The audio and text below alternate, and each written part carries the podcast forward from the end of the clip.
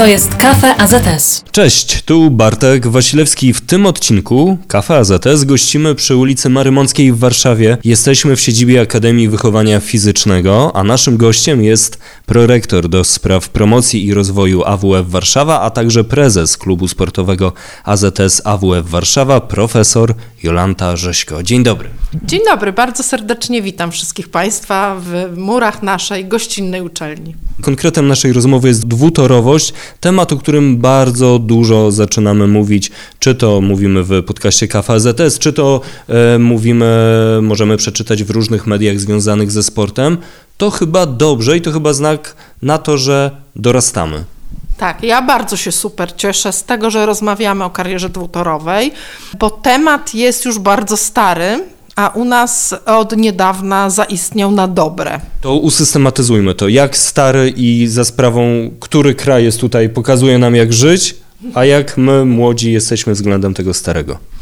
E, badania na temat e, współpracy w dwóch sektorach, czyli w sektorze sportu i edukacji, pod politykę europejską w obszarze właśnie kariery dwutorowej rozpoczęły się bardzo dawno temu, natomiast w 2004 roku przybrały takiego już charakteru bardzo usystematyzowanego i rzeczywiście w 2004 roku duży projekt, który mm, był e, kierowany przez Unię Europejską i nazywał się Sport i Edukacja, pokazał, że te systemy w wielu krajach europejskich, no po pierwsze oczywiście bardzo się różnią, bo tożsamością Europy jest wielość, ale po drugie, one e, też nie do końca są wszędzie sprawne. Zresztą wcześniejsze badania prowadzone przez grupę ADECO dla Międzynarodowego Komitetu Olimpijskiego pokazały tutaj ogromny deficyt, czyli pokazały, że rzeczywiście bardzo często sportowcy porzucają mm, swoją e, karierę edukacyjną na rzecz sportu i w momencie, kiedy im kariera sportowa się kończy, a jak wszyscy wiemy, ona kończy się dosyć wcześnie. Albo niespodziewanie. Albo niespodziewanie i to jest ten trudniejszy trudniejszy case, no bardzo często e, zostają bez pomysłu tak? E, I to nie chodzi o to, że sportowcy są gorsi, bo wręcz przeciwnie, ale chodzi o to, że te kariery właśnie nie do końca ze sobą się e, godziły, tak? Nie było takiego dobrego, systemowego rozwiązania, żeby one ze sobą współgrały. Przełomowym takim momentem w tworzeniu konceptu kariery dwutorowej było podpisanie oczywiście w 2012 roku, z czego możemy się poszczycić w Poznaniu, wytycznych do kariery dwutorowej właśnie na poziomie Unii Europejskiej właściwie wydawało się, że ten moment stworzenia tych wytycznych dla krajom już takie bardzo łatwe wejście w to, żeby tworzyć te rozwiązania systemowo na poziomie polityki e, międzynarodowej, polityki krajowej. I tutaj jest bardzo ważny aspekt, żeby ta polityka nie przez duże P, bo tu mówimy o tak zwanym policy area, czyli takim połączeniu e, współpracy międzysektorowej, międzyresortowej, żeby właśnie e, była tworzona wspólnie. I tutaj ciągle w Polsce tego brakowało. Ministerstwo Sportu miało swoje pomysły, Ministerstwo Edukacji swoje.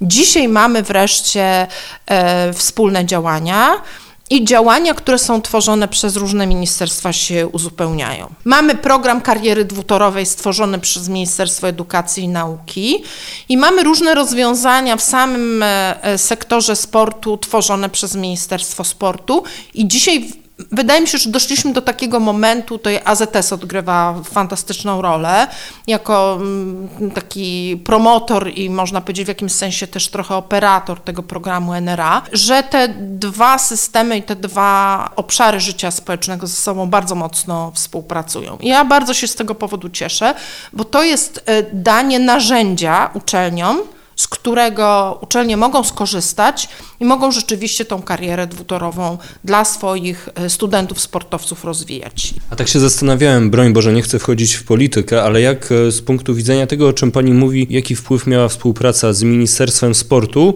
które, jak wiemy, przez jakiś czas było wchłonięte e, do Ministerstwa Kultury? No tak, tutaj oczywiście to były trudne momenty, bo też zmiany następowały bardzo szybko, nie zdążyły powstać pomysły w Ministerstwie Kultury, jak to ładnie skonsumować już e, właściwie nastąpił powrót, więc trudno tutaj e, jakkolwiek oceniać te działania. Ale od, odetchnęliście z ulgą.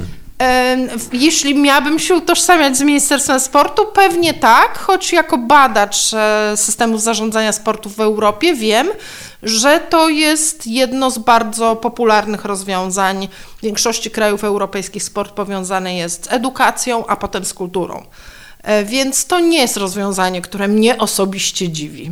No to jak my, jako ten młody dwutorowy kraj, sobie radzimy? Na jakim stopniu zaawansowania jesteśmy? Co jest jeszcze do zrobienia przed nami? Mhm.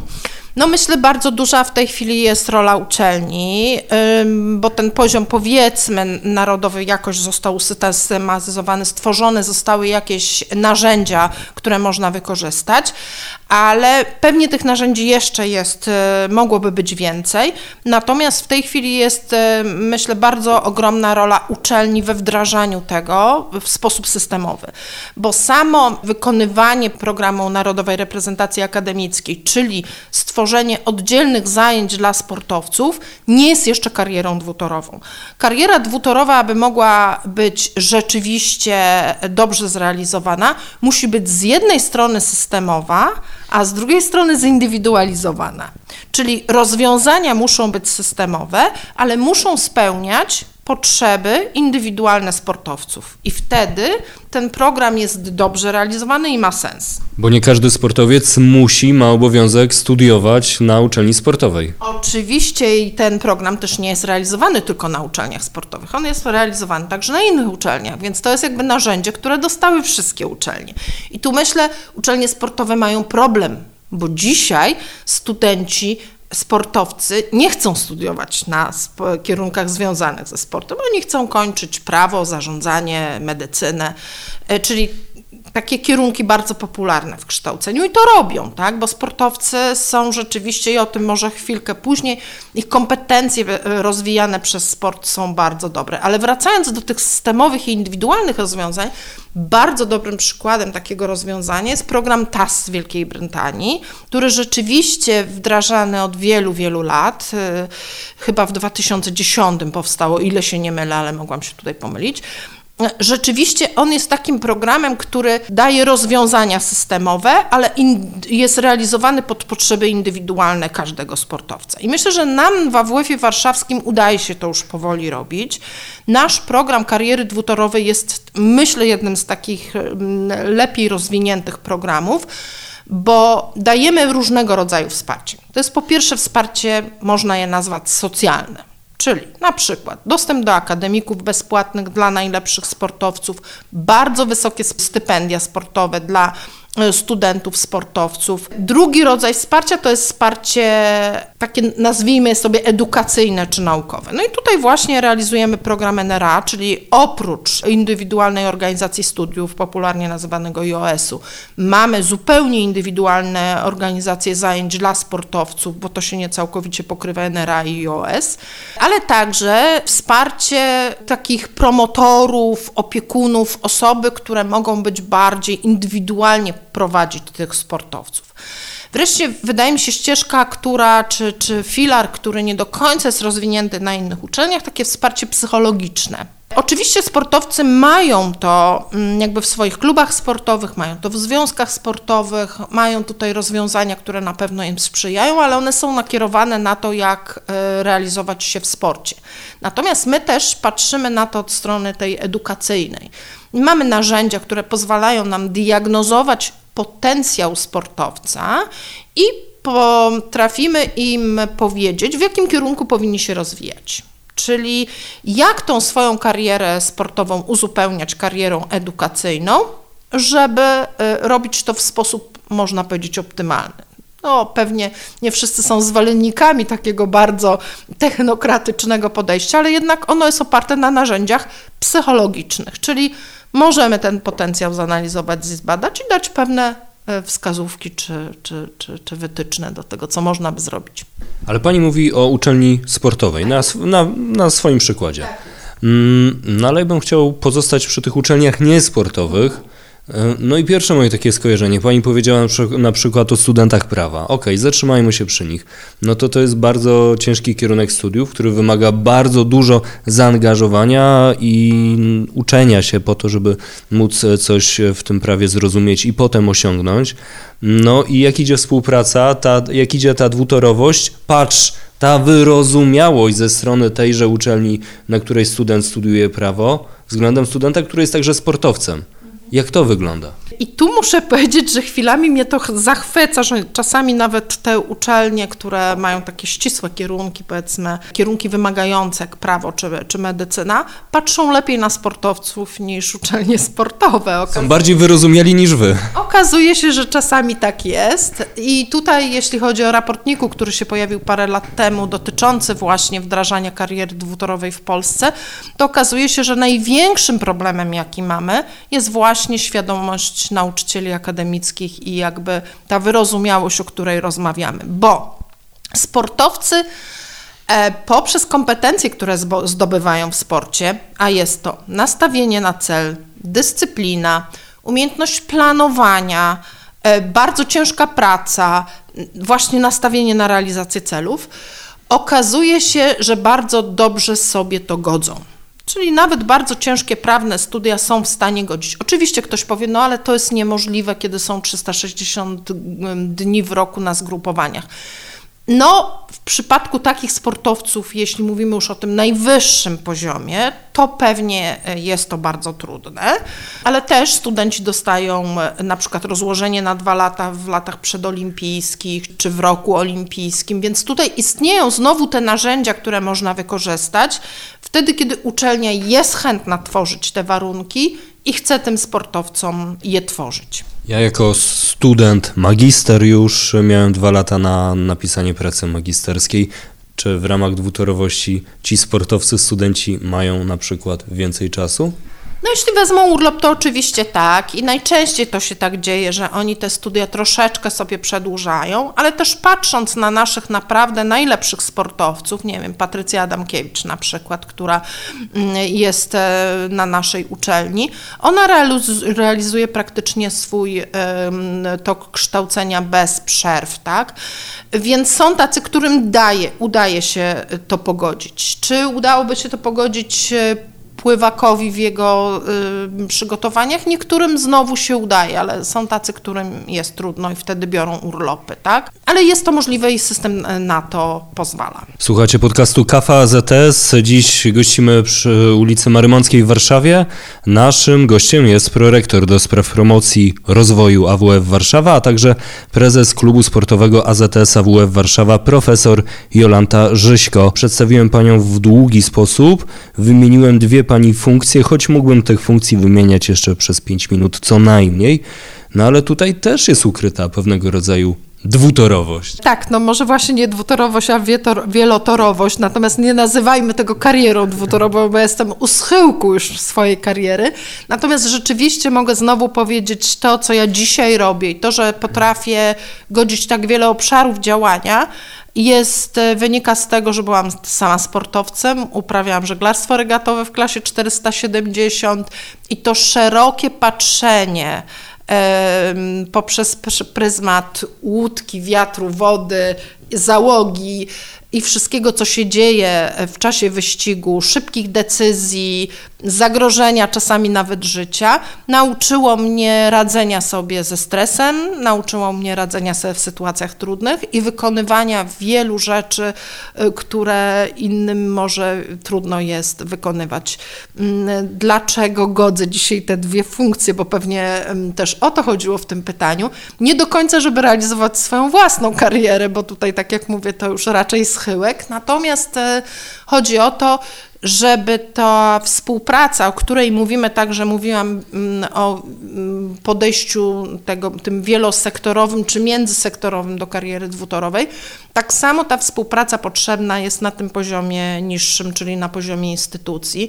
Dzisiaj pogodzenie funkcjonowania uczelni z funkcjonowaniem klubów w taki sposób, żeby te rozwiązania znowu były rozwiązaniami systemowymi i strategicznymi jest bardzo ważne. I pewnie ktoś powie, ok, ale jak siedzi się na dwóch stołkach, kolokwialnie mówiąc, to to jest niemożliwe.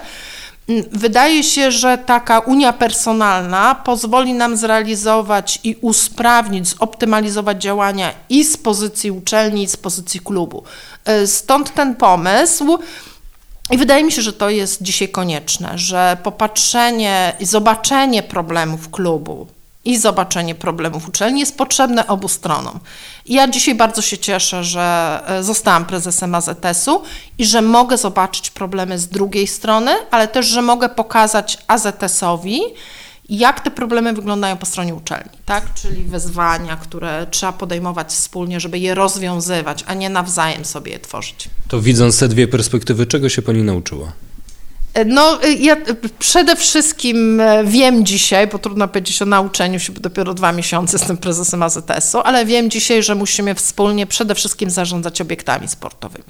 E, Funkcjonujemy na nich razem e, i to zarządzanie obiektami sportowymi z punktu widzenia i klubu, i uczelni jest dosyć trudne, ale nie niemożliwe. I bardzo bym chciała, żeby nam się udało to zrobić. A jakie wyzwania? Dla sportowców. Oczywiście dla sportowców. Jakie wyzwania przed panią? No oczywiście chciałabym bardzo, żebyśmy mieli jak najwięcej sportowców e, e, na naszej uczelni i żeby to sport był rzeczywiście tym filarem uczelni sportowej, bo mam takie wrażenie, że przez wiele lat ostatnich e, w wielu uczelniach sportowych ten sport gdzieś zniknął. Chciałabym, żeby ten sport i sportowcy, najwyższej klasy sportowcy chcieli tu być, chcieli tu się kształcić i widzieli w tym rzeczywiście swoją przyszłą karierę, czy też możliwość osiągnięcia przyszłej kariery. To co tu mogą mieć? Czego tu mogą się nauczyć? No właśnie, my dzisiaj mamy takie kierunki, które może nie do końca są dla nich atrakcyjne, ale jednak one są bardzo atrakcyjne, bo to co mamy kierunki takie jak na przykład fizjoterapia, ale też sport czy wychowanie fizyczne. Na kierunku sport no nie tylko kształcimy trenerów, ale też kształcimy menedżerów. Menedżerów do organizacji sportowych, do klubów sportowych, do związków. I myślę, że rozwój tej koncepcji studiów menedżerskich będziemy tutaj kontynuować. Mamy w planach fajne rzeczy, ale o nich jeszcze nie mogę powiedzieć, ale myślę, że za chwilkę będą one już uwidocznione. No oczywiście turystyka i rekreacja ze swoimi także fajnymi kierunkami, bo zarządzanie eventami czy turystyka biznesowa. Myślę, że to jest przyszłość, przyszłość większości uczelni sportowych także, aczkolwiek dzisiaj mocno niedoceniana. A plany wakacyjne? Żeglówka jakaś? No, póki co szykujemy ogromny kongres w naszym dużym projekcie WF za WF na wrzesień, więc pewnie plany wakacyjne będą musiały być bardzo uszczuplone, ale na pewno na łódkę także się wybiorę i na pewno popływam parę dni. I tego pani życzymy. Profesor Jolanta Żyśko była gościem podcastu Kafa EZS. Bardzo dziękuję za rozmowę. Bardzo dziękuję, było mi bardzo miło. Dziękuję. To wszystko na dziś. Bartek Wasilewski. Do usłyszenia w następnym odcinku Kafa AZS.